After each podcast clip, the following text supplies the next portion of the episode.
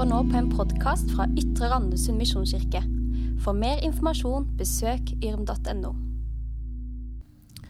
Da ønsker vi velkommen til en ny utgave av YRM-podden. Dette er Ytre Randesund misjonskirke sin undervisningspodkast, som er knytta opp til vår taleserie i høst som handler om trospraksiser. Og nå er vi kommet til det som jeg kanskje har gleda meg mest til i høst, nemlig denne med praksis. Vi har snakka om Guds ord og bønn og alt det som er viktige grunnsteiner i å følge Jesus. Og så var det jo han som kom og sa ikke bare hør og se på, men gjør. Gjør det jeg viser dere. Og i dag så skal vi da snakke om noe som på latin heter noe så fint som operatio divina. Og når vi har fremmedspråk inne i bildet, og det både er teologi og praksis inne i bildet, så hadde jeg lyst til å få hjelp av min gode venn og kollega Alexander Gundersen. Velkommen. Hjertelig takk. Du og jeg har hatt mange kaffer på denne tematikken. Mm. Eh, ikke fordi det bare teoretisk engasjerer oss, men fordi både du har gått noen steg i det, og vi skal sammen nå eh, starte et praksisfellesskap, Hånes misjonskirke og Ytre Randesund misjonskirke, hvor flere er velkommen om bord, som heter Praksis. Eh, og det må vi fortelle mer om. Men litt først, Alexander, hvem er du? Hvem er jeg? Um, Alexander Gundersen heter jeg. Jeg er 30, 32. Ja, nå måtte jeg tenke meg om. 32 år gammel. og eh, jobber som pastor i Hånes misjonskirke. Har gjort det siden eh, 2018. Mm. Så det er liksom blitt eh, to vanlige år og to koronaår. Eh, så jeg er gift med, med, Helene fra Lyngdal, og vi har to døtre da, på fire og seks som er hjemme med barnehagestreik for øyeblikket. Åh, og, og, og, det er altså bare så det er sagt, vi, vi støtter streikeretten, så stå på dere som står på barrikadene. Um, yes. og, så, må vi andre bare finne ut av det. Men, uh, men jeg er um, opprinnelig fra Oslo, og så har jeg blitt en litt sånn adoptiv sørlending. Bodd lenge her i Kristiansand og i, i Grimstad. Um, så jeg høres ikke sånn ut, men jeg er en av dere. Og eh, ja, så jeg gleder meg, jeg gleder meg veldig da, til å høre, eller til å snakke om dette her med mm. praksiser. Hvordan kan vi øve oss på å bli mer som Jesus og gjøre mer av det han gjorde. Mm. Og vi er jo begge pastorer og forkynnere, vært aktive i alt fra ungdomsarbeid og opp gjennom i gradene.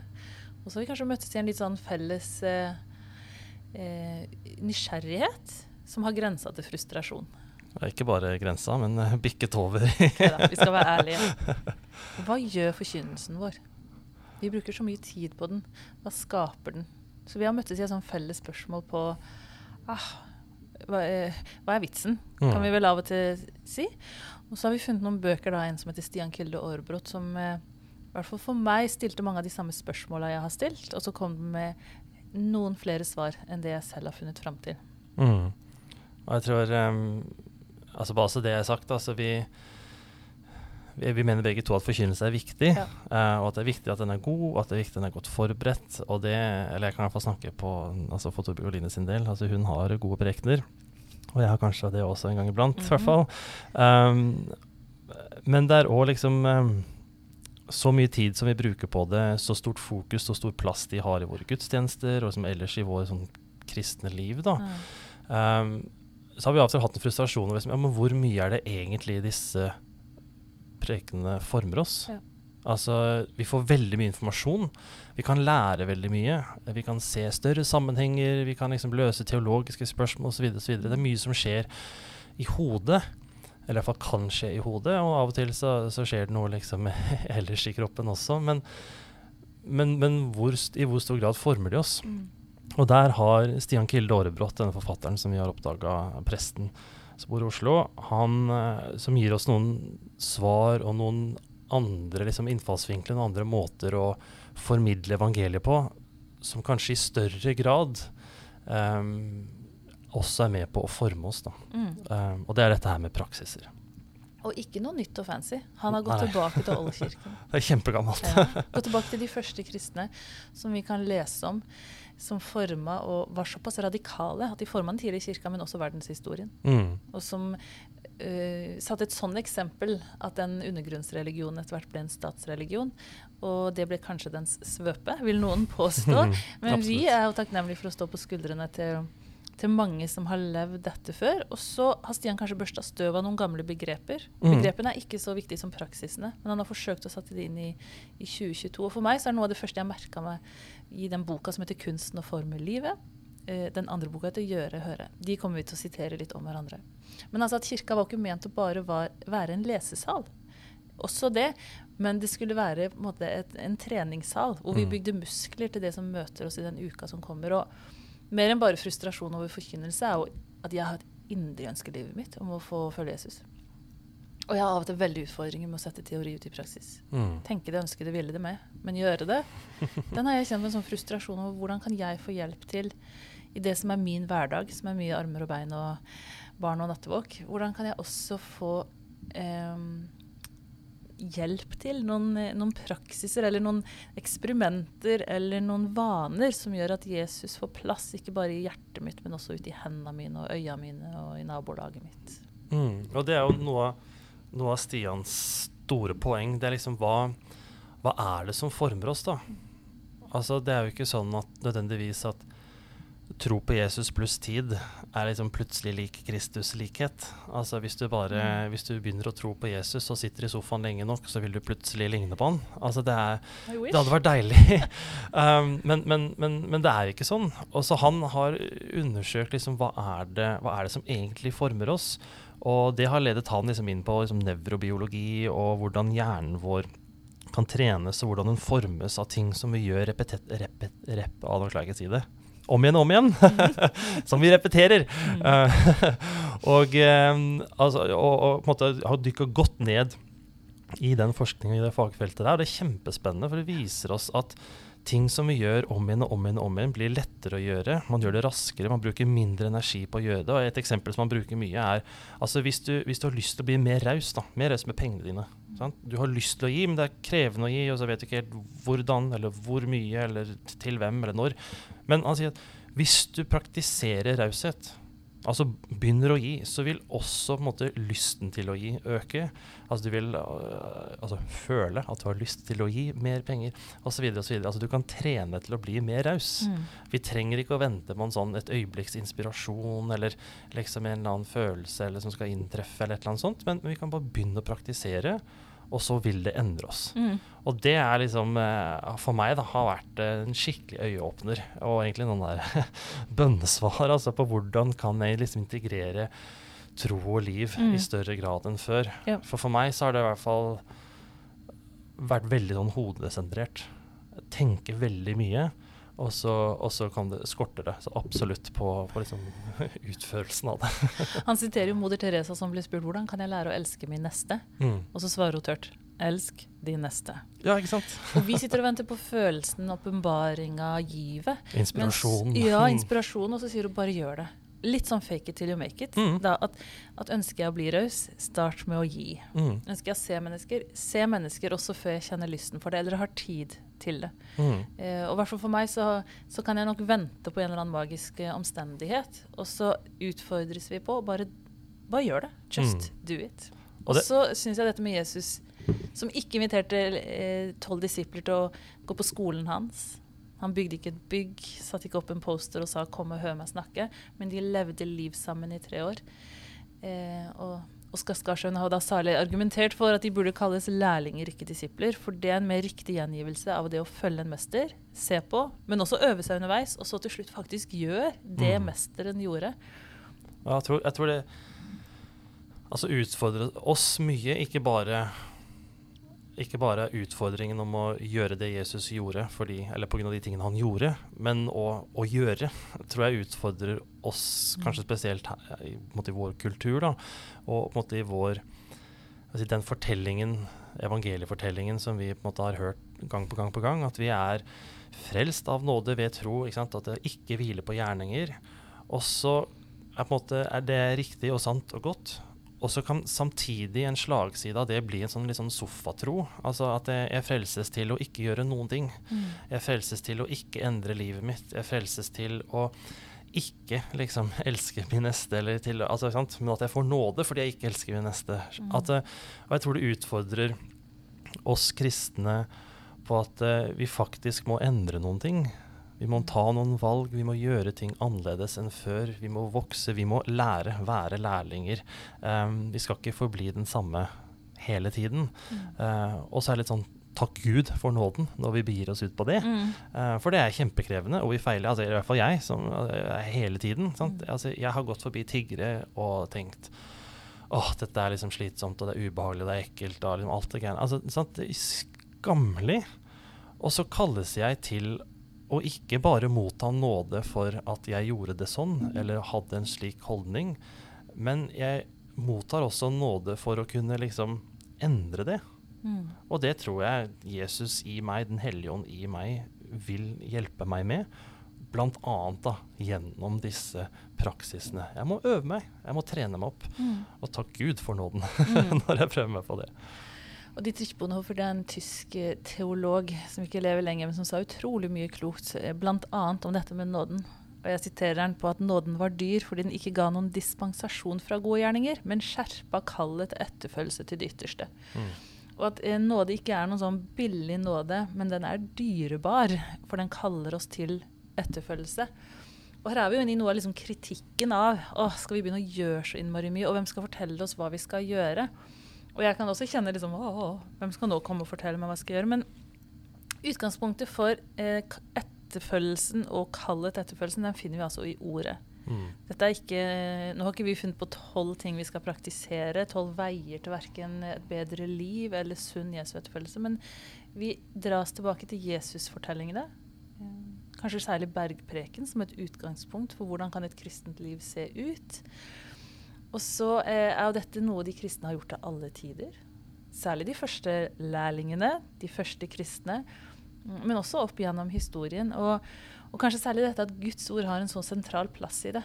Eh, det er ikke hva er inn for tida, hva trengs for tida. Nei, vi går tilbake til hva sa Jesus? Mm. Hva gjorde han? Hvordan kan vi høre, og så gjøre det han ber oss om å gjøre? Og i den tidlige kirka og i det som da ble klostervesenet, de som bare gikk all in, enda litt mer enn alle andre, de som mm. dro til ørken eller flytta inn i kommuniteter i fellesskap og blei da nonner og munker. De hadde jo en måte å lese Bibelen på som igjen, litt latin dere, som heter lectio divina. Hvor man da brukte god tid i møte med ordet. Hvor man begynte med eh, lectio, altså selve lesinga. At de bare levde seg inn i teksten. Hvordan så det ut rundt Jesus? Hva lukta det? Var det varmt? Og kanskje så seg selv inn i teksten. Hvor sto jeg? Er jeg liksom rett ved siden av Jesus, eller er jeg en av de som egentlig betrakter på avstand, litt skeptisk mm. til alt dette oppstyret? Og det å da gå inn i den meditasjonen, som de kalte det, som jo i utgangspunktet er en kristen praksis, å leve seg inn i, eh, finne ut av hva denne teksten rører meg, i meg Jeg blir kanskje irritert, eller jeg blir glad, eller jeg blir forundra. Før vi tar den tanken eller den erfaringa, eller det du stopper opp ved, inn i bønn. Mm. Før du til slutt er stille. Og som det står så fint, du lar stillheten dytte frø i fruktbar jord. Og en bit som da var en veldig naturlig del av bibellesninga, det var også dette som heter operatio. Eller som er det operasjonelle, den praktiske konsekvensen av å ha lest. Da skulle en finne en konkret måte å respondere på teksten på. Ok, Hvis Jesus møter den blindes mas på denne måten, hvem er det som maser på meg, hvem forstyrrer meg, og hvordan kan jeg lære av Jesus hvordan jeg møter dette? Mm. Um, og så var det en eller annen luring da, som tenkte nå effektiviserer vi den lektio divina litt. Det er jo helt naturlig at vi må ha et gjensvar. Altså mm. Selvfølgelig må troen ut i hendene våre, dere. Men kan vi ikke bare kutte akkurat det punktet når vi kommer til lektio divina? For det er selvfølgelig. Alle det vet jo det. Det er så selvfølgelig. Mm. Og de tidlige kristne, og kanskje særlig klostervesenet, ser vi jo i dag frukten av at vi fikk troa ut i hendene. Eh, men eh, han skulle da være litt lur, da. Tok ut operatio. Og mange sier at det er den største bjørnetjenesten som er gjort mot den kristne kirka. Nemlig det at eh, vi trenger å også understreke det spørsmålet vi må ha i etterkant av møtet med bibelteksten, og det er hva skjer nå? Mm. Så hva da? Hva, hva, nå? Og det kan være et utfordrende spørsmål å stille seg selv. Og kanskje har vi en menighetsstruktur eller gudstjeneste eller måte å feire gudstjeneste på som også gjør det litt vanskelig. Mm. For vi skal jo ikke alle gå i flokk og gjøre det samme sammen hele uka, men noen av oss skal ta noe med oss inn i uka vår, og på hver vår måte praktisere det. Og Derfor har Stian da børsta støv av dette som heter operatio divina. Han har tatt dette gjenglemte punktet, putta det ikke bare inn, men også som en egen praksis inn i rammen av det å lese Bibelen. Og dere har jo begynt litt. Ja. sånne operatio diviner. Og hva er det, Aleksander? Jo, det er eh, Vi har begynt litt. Eh, først så begynte vi litt uh, forsiktig. Da er det, det er en, min navnebror i menigheten, Aleksander, og, og, Stine de inviterte hjem til seg til en sånn Vi kaller det bibelfellesskap, men der vi kjører en sånn lectio divina. Um, det tar ca. én time. Krever uh, to minutter forberedelse. Og eh, da kommer de som kommer. Eh, vi har pleid å være alt fra 2-3 til eh, 28-9. Og eh, det vi gjør, er at vi Altså forberedelsen består i å velge en bibeltekst. Og da har mm. vi så langt stort sett valgt eh, liksom Jesus-tekster. Um, liksom ikke tatt en lovtekster fra Ted Mosbok og sånn. Men, uh, men uh, det kan man også gjøre. Men, men vi har tatt Jesus-tekster. Og vi starter med å be litt, hvis det er noen som er her for første gang. Forklare litt hva vi skal gjøre og sånn. Vi ber en bønn. Og så leser vi den teksten høyt tre ganger. Da har vi tre ulike som leser teksten. Og så er vi litt stille 30 sekunder, ett minutt mellom hver lesing. Um, og det det gjør når vi leser den flere ganger, og at det er altså, ulike stemmer med ulikt liksom, tonefall, ulik trykk og, og ulik hastighet som leser den, så gjør det at vi får det mer under huden. Uh, og et, altså, rett og slett lærer den bedre. altså, det er så enkelt. Um, etter at vi har lest den, så bruker vi ti minutter kvarter hver for oss stille med teksten. Der vi forsøker å leve oss inn i det. Vi, stå, vi, leser kanskje det som står foran teksten, det som står etter teksten. Kanskje er det noen fot, Hvis man har en studiebibel, så står hvis det er liksom, en tekst om samaritanere, så står det kanskje fotnote, beskriver litt, forklarer litt hva en samaritaner er. Um, hva er det vi stopper opp ved? Åssen var det å være der? Stille oss noen sånne type spørsmål. Hvis jeg hadde vært flue på veggen her, åssen hadde det vært? Um, hvis det er en tekst hvor Jesus snakker med noen, f.eks. Hvordan var det å være dette mennesket som fikk faktisk fikk møte Jesus og høre det han sa? Liksom, eller som um, kvinnen som var syk, som hadde masse blødninger, og som måtte desperat prøve å få tak i en, liksom, en flik av kappen til Jesus, for hun tror at det vil helbrede henne. Liksom, hvordan, hvordan, var det å være henne når Jesus faktisk snur seg og henvender seg til henne, og hun blir frisk? Hvordan var det? Um, og så etterpå, når vi har gjort det, så um, Av og til må vi dele oss i gruppe, to grupper hvis vi er litt mange, men så deler vi bare. Fortell litt sånn Hva var det jeg stoppet opp ved? Og det som er veldig viktig, og ikke minst befriende ved den delen der, det er vi skal, spørsmålet er ikke hva betyr denne teksten?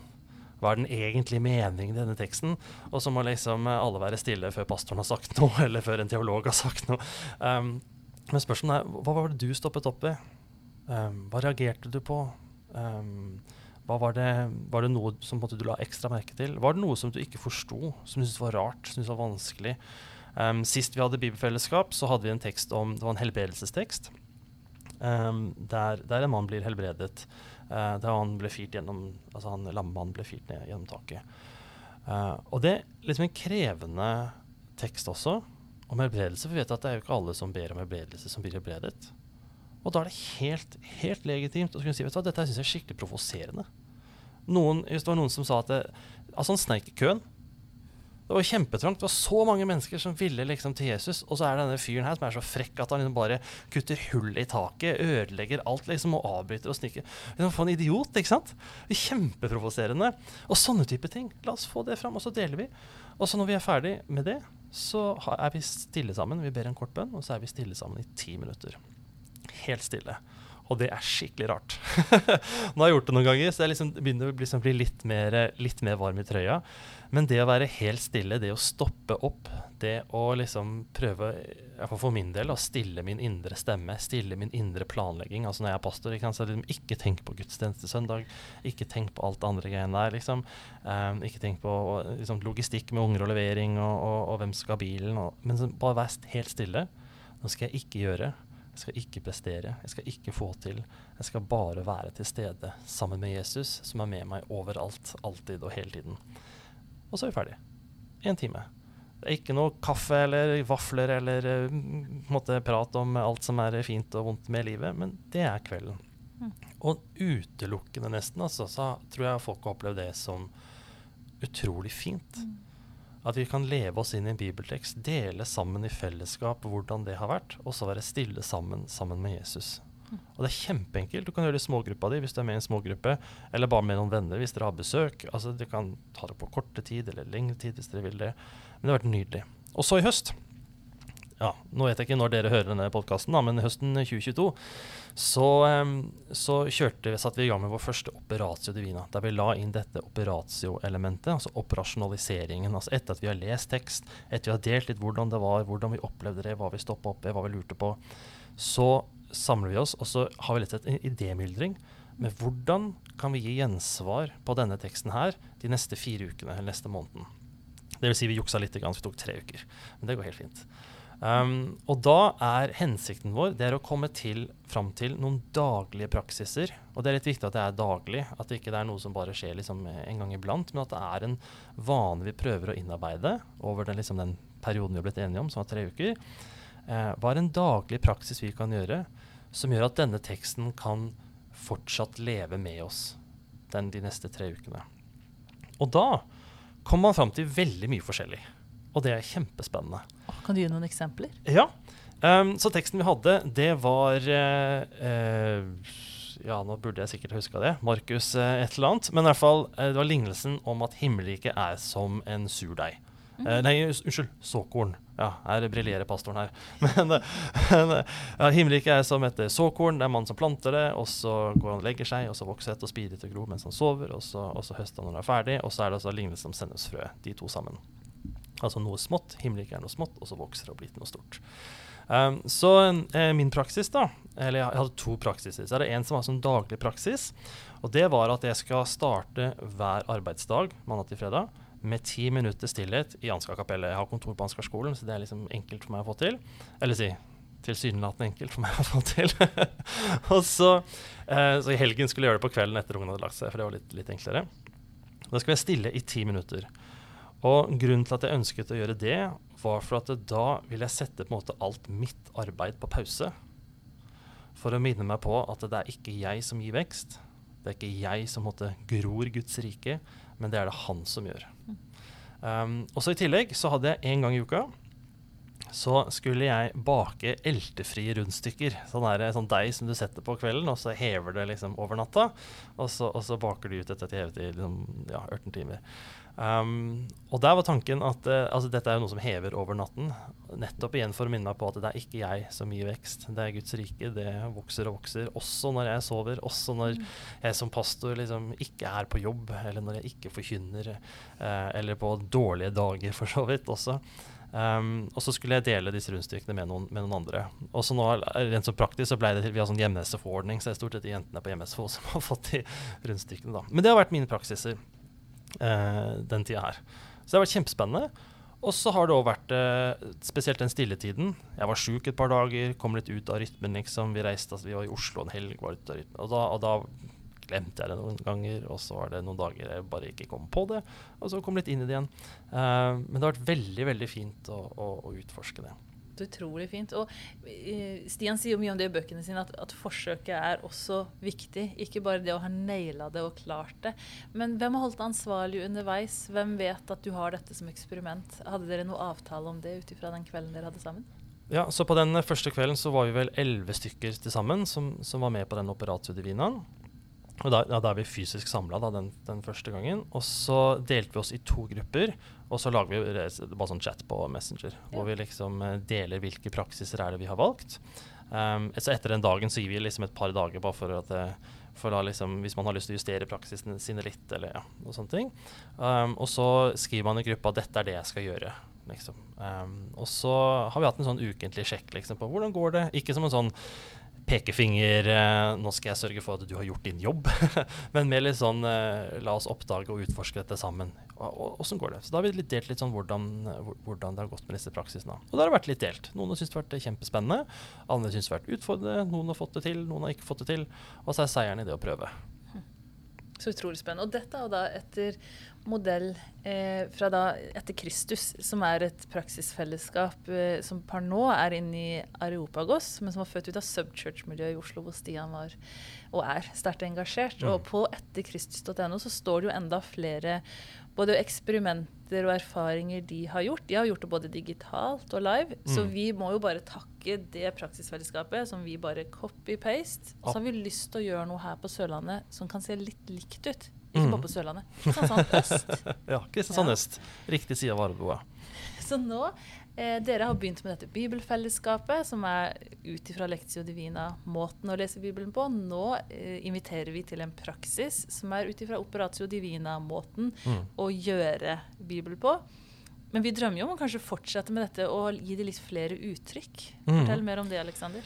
Ja, så praksis, eh, og I tilfelle dere ser dette her på, på sosiale medier, landeplasser, så er det så praksis med X. Eh, og det er eh, selvfølgelig for å være litt kule. Også, for det er én ting jeg og Torbjørg og Line er særlig kule. nei da. Eh, nei, vi er ikke det, altså. Men, men, eller jeg er ikke det. Men, men, uh, men, det er praksis med X. Og, og det er Om det er gresk latin, det husker jeg ikke i farta. Men det betyr altså en operasjonalisering av teori. Mm. Altså, vi har lært og hørt veldig mye om Jesus og om kirken, mm. om hva Jesus kaller oss til, hva han gir oss. Altså, du nevnte Bergprekenen i stad. Det var Oldkirkens trosopplæringsprogram.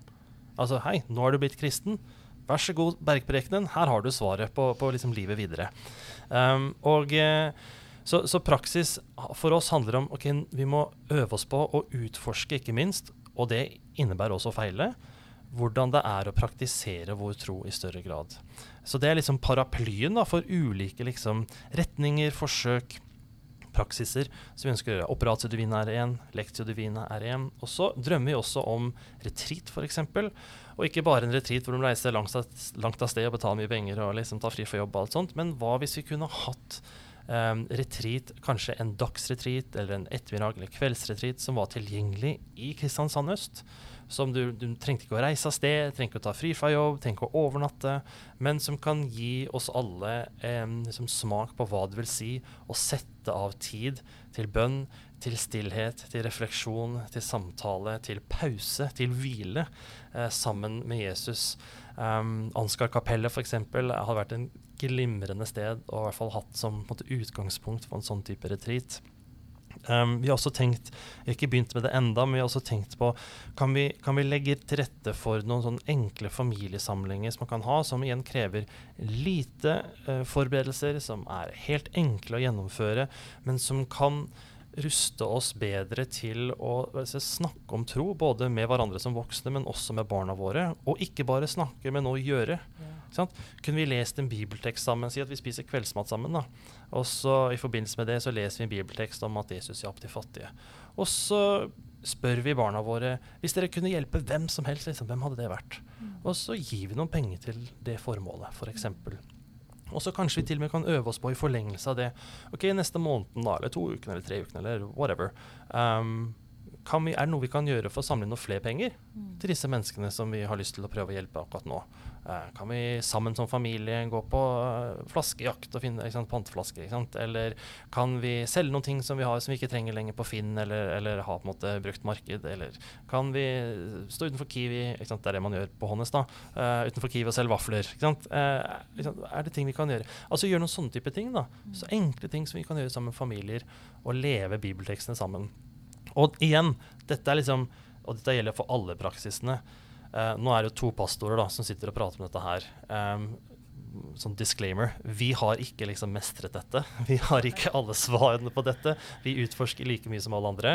Um, og det er veldig viktig at det, det, vi inviterer til, det er ikke til en sånn dette er for dere som fikser troslivet mm. og småbarnslivet og voksenlivet og jobblivet, liksom. Og dette er liksom for å legge enda en ting oppå toppen av alt det andre. Um, men dette er for hvis du ønsker å utforske og måter å integrere tro og liv i større grad, og har lyst til å prøve noe, liksom, bli med og prøv. Så kan det godt hende at dette ikke er noe som funker for deg, ikke passer for deg, og det er helt greit. Det gjør ingenting. Det er helt i orden. Velsigne deg. Um, men dette er for du som har lyst til å være med og utforske. Mm.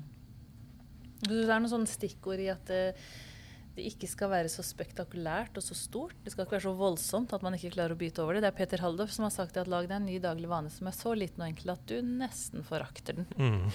eh, og det må til at det eksperimentet man eventuelt velger etter å ha lest en bibeltekst, den skal være gjennomførbart. Mm. Men kanskje noe litt annerledes enn det å pusse tenna, for det gjør jeg allerede. Og hvordan lærte jeg meg den vanen? Jo, den viste noen meg, gjorde den med meg ganske lenge før det nå er blitt min vane. Og det er jo et neste trekk, det at vi ikke har tenkt å gjøre det her aleine hver for oss. Men Mm. stikkord er sammen. Og det står jo også et sted i en av disse bøkene at det, det å være Jesu lærlinger Hvis vi skulle se på de som var det først, det var de jo sammen. De var sjelden sammen med Jesus aleine, men de var det sammen sammen. Mm. Og så, lenge før de forsto helt hvordan og hvorfor, så så de på Jesus, og så gjorde de etter ham. Og de, han sendte de jo til og med ut før de var tørre bak øra og hadde helt skjønt poenget og hvilken del, hvilke del av en crew de var en del av. Altså, det var bare kjør på, gå ut og forkynn at, Gud- at Guds rike er nær. Mm. Og det sa han til de som seinere både svikta, forlot og tabba seg ut. Så vi er alle lærlinger underveis, og Mm. derfor trenger vi å være det sammen. En operatio divina det er jo over en veldig sånn gitt tid, ut ifra en gitt tekst, med et veldig sånn konkret eksperiment, hvor vi da følger hverandre opp i grupper. Og dette kommer vi til å invitere til framover, Mm. eh, enten for familier eller for oss voksne. Eh, men jeg tror jo at dette for meg så er det noe av svaret på hvordan å få troa ut i henda, uten at jeg bare skal ta hele Bibelen under ett, men eh, noen små biter av gangen. Kanskje Mhm. særlig ut ifra Jesus-fortellingene, Jesus sine lignelser, eh, bergpreken. Se på hvordan kan vi som kristne kanskje få en større troverdighet i å være ordets gjørere, ikke bare ordets hørere. Mm. Og så er det jo ikke sånn at ingen har gjort det her før. Det er jo ikke sånn at det er helt dødt over hele linja. Alle har vi våre trospraksiser. Vi forsøker så godt vi kan. Og veldig mange også i byen vår har troen og har vist den i praksis. Eh, nevner shalam, Blå Mm. Altså Shelter. Mm. Shelter. Det er jo så mange som viser hvordan troen ser ut. Men jeg kan ikke hvile på hva alle andre gjør og si at vi har troverdighet. Mm. Jeg kjenner at jeg sammen med noen få må også øve meg i hvordan min tro ser ut. Ikke bare på søndag, 11 til 1, men i hverdagen min. Så vi har vel egentlig bare laga noe vi sjøl har lengta etter, og håper at noen blir med. Og trenger. Og vi trenger det. Men er det for alle? Er målet å bli mange? Um, jeg tror ikke målet i seg selv er å bli mange. Um, og på den ene måten ikke ja, ja, dette er noe for alle. I den forstand at uh, jeg håper alle vil prøve. Og så er det nok ikke alle som dette her uh, verken vil oppleve som at noe som funker, eller går opp med liksom, tidsklemma eller kalenderen, eller at, uh, at det er noe man kan få til en sånn fysisk i forhold til å møte opp og, og forplikte seg til en måned, eller, eller sånne ting. Um, og det, det er helt greit, tenker jeg, at det er sånn. Um, men jeg håper at så mange som mulig i hvert fall vil være med og utforske. Altså, test en gang, liksom. Uh, det er litt sånn som vi sier til, eller sier til ungene, liksom, at jeg kan ikke, kan ikke si at du ikke liker maten før du i hvert fall har prøvd én bit. Liksom. Ta Det er én gulrotbit før du sier at det, det var det verste du har smakt. Sant? Altså det, det er liksom utfordringen. Tenker jeg. Prøv. Vær med og prøv. Og så, når du først prøver, gjør det ordentlig. Mm. Altså, og det, da tenker jeg der kan vi være ikke strenge, men, men tydelige. At uh, hvis du skal prøve dette her, så, så, så gå all in. Liksom. Mm. Bli ordentlig med. Forplikt deg til liksom, det er de tre ukene eller fire ukene med, med, med sånn daglig praksis uh, i etterkant. Gjør det. Så- for jeg tror det er først da du liksom vil få smaken på hva det egentlig er for noe. Og vi inviterer da til sånne praksissamlinger på Ansgarskolen. Det går selvfølgelig an å bruke en eksisterende smågruppe til dette. I Mm. boka 'Gjøre og høre' så står det helt konkrete forslag til tekster og til og med eksperimenter, og det å holde hverandre ansvarlig i en periode på det. Mm. Og jeg hadde lyst til å avslutte med en bønn som eh, kan leses i møte med en tekst. Og om man ikke får til gruppa eller eksperimentet, så er det jo noe med hvordan vi leser Bibelen. Ikke som eh, bare et, eh, et, gammelt skrift, men også som en sånn herre er, Hvor er du, Jesus, i dette? Og hva er din utfordring til meg i dette? Så eh, jeg avslutter med en bønn, men før det, takk, Aleksander. Mm, Jeg gleder meg til videre praksisfellesskap, og det er også alle dere som lytter på, invitert med inn i. Mm. Så vi avslutter med å be. Jesus, mester, frelser og lærer. Hjelp oss å se det du så. Kjenne og høre. Lukte og føle. Ditt hjertes impulser. Ditt hodes ideer og vurderinger. Fri oss fra trangen til å komplisere vekk og forklare bort. Oppfordringa om å høre, så gjøre. Må riket ditt komme og viljen din skje. I lesing, innlevelse og bønn. Intensjon, stillhet og praksis. Amen.